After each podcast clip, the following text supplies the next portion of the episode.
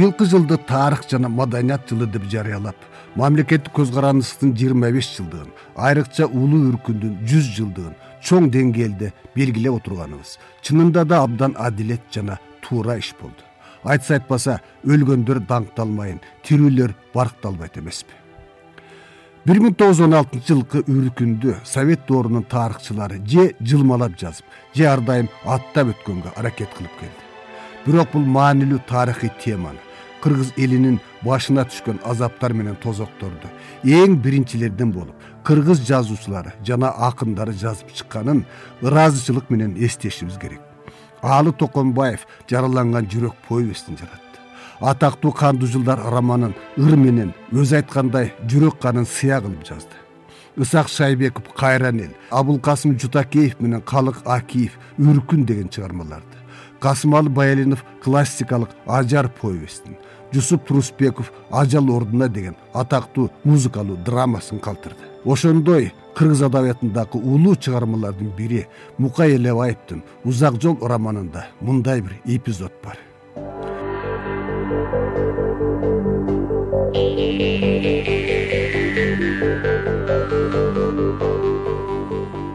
Күн сурданып тумандап чыкыроон тартып мелтиреген талааны каптаган көч кытайдын чегинен өтө албай ары бери толкуп ийрилип турду. Так ушул убакта арттан удаасы менен эки жолу күрсүлдөп замбирек атылды. Кай жерден атылып атканы маалым эмес.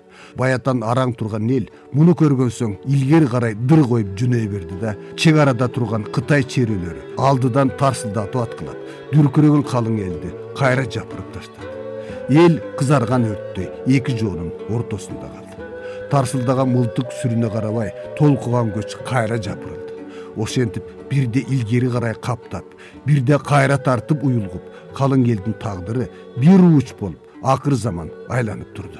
Эл кара талашып алактап кетип бара жаткан кезде музарт дарыясынын күркүрөгөн тайгак суусуна көчмөчү менен бешик туу аял бешиги менен камалыша чуркурап барып чогуу бойдон бир күрүлдөп агып кирди дейсиң эми мындагы кыргынды сураба чуркураган сансыз үндөр же адамдыкы же айбандыкы экенин айырып болбойт. Бир жерде жүктүү мал агып бараткан бир жерде элеги чубалып бешиктүү аял бешиги менен агып келаткан бир жерде өлүк суунун жээгине тырайып чыгып калган бир жерде көбүккө бөлөнүп сууга кетип бараткан баласына чыркырап энеси үстүнө түшө калып жаткан бир жерде селейген өлүктүн жанында боздоп отурган дагы бирөө.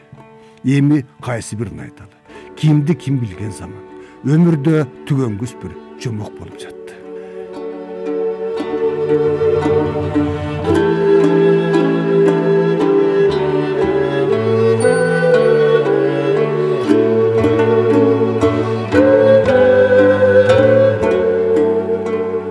Бедел менен ак өгүздүн ак кар көк муздуу ашууларын ашып каркыра аркылуу кытайга өткөн сан миңдеген качкындар тууралуу бир катар баалуу эскерүүлөр сакталып көркөм адабиятта аалы токонбаевдин кандуу жылдар романындагы ак өгүздүн ашуусу тууралуу жазгандар балким эң эле күчтүү чыккан эпизоддор десек эч бир жаңылбайбызго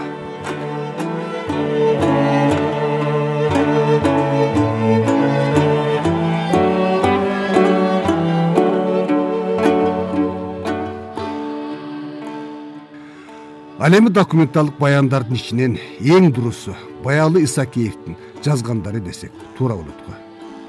Бедел ашуусунан биз түн ичи өттүк. Муз каптаган кыя жол мөңгүнүн кыры менен кетип кичине эле жаза бассаң ажалыңдын жеткени ошо. Бир тынымга да токтогонго болбойт. Анткени арттагылар шаштырат.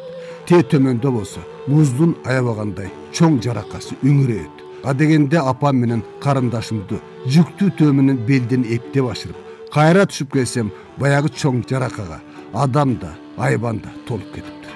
Азыр эми качкындар ошолордун үстү менен жол жасап ашуу ашып бараткан экен.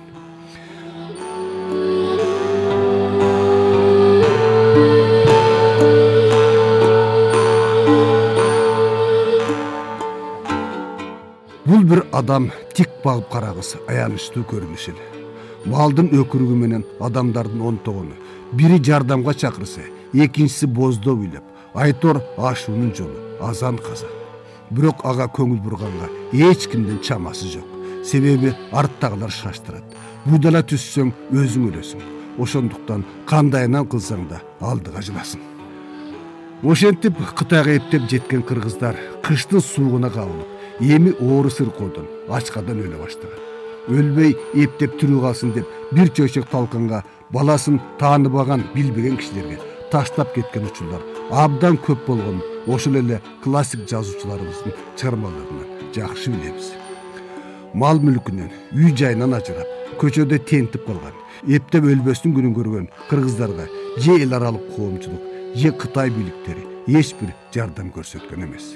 Көрсөтсө да андай маалымат эч бир тарыхый документтерде жок суроо туулат бир миң тогуз жүз он алтынчы жылдагы кыргыз трагедиясын орус коомчулугу цивилизациялуу дүйнө эмне үчүн билбей калган. Же бул тууралуу маалымат жеткен эмеспи? Жооп дүйнө коомчулугу албетте кеч болсо да билген. Бирок орусиядагы бир миң тогуз жүз он жетинчи жылкы улуу революция ак падышанын тактан кулашы. Александр федорович керенскийдин убактылуу өкмөтүнүн бийликке келиши. Андан кийинки большевиктердин төңкөрүшү кыргыз элинин башына түшкөн трагедиядан коомчулуктун көңүлүн кыйла алаксытып койгон. Бирок орус коомчулугу айрыкча александр федорович керенский бул маселеге абдан катуу көңүл буруп самаркандга чейин келип маселенин себептерин кесепеттерин изилдеп мамлекеттик думада аябагандай чоң доклад жасаган. Орусиянын либерал демократтары да бул маселеге абдан катуу реакция жасап радичев шингарев сыяктуу абройлуу депутаттар думанын залында позор деп кыйкырып падышаны кылмышкер катары айыптаганын мен бир миң тогуз жүз сексен сегизинчи жылы орусча жарыяланган неизвестный геноцид деген макаламда кенен баяндаган элем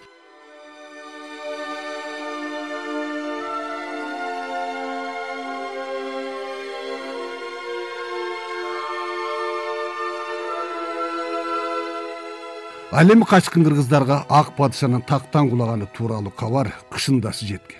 Бул кабар элге кадимкидей үмүт берип кандай чоң кубаныч болгонун айрыкча ленин большевик совет деген сөздөр эл кулагына кандай керемет угулганын айтып отурбайлы асманда кудай жерде адилеттик бар деген чындык болсо керек акыры кыргыздарды да коргогон бийлик чыгып жаздын алды менен ашуулар ачылар замат өлгөндөн калган кыргыздар кайра ысык көлдү көздөй кыргызстанды көздөй жол тарткан.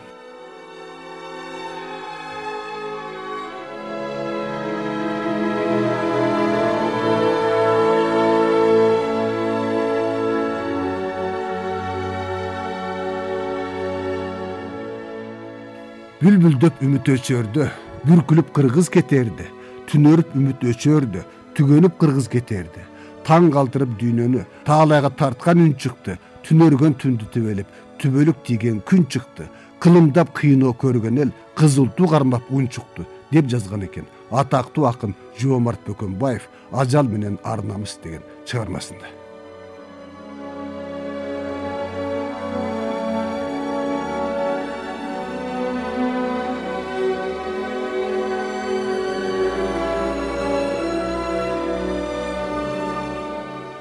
улуу октябрь революциясы тууралуу тарыхчылар арасында ар кандай пикирлер айтылып келет.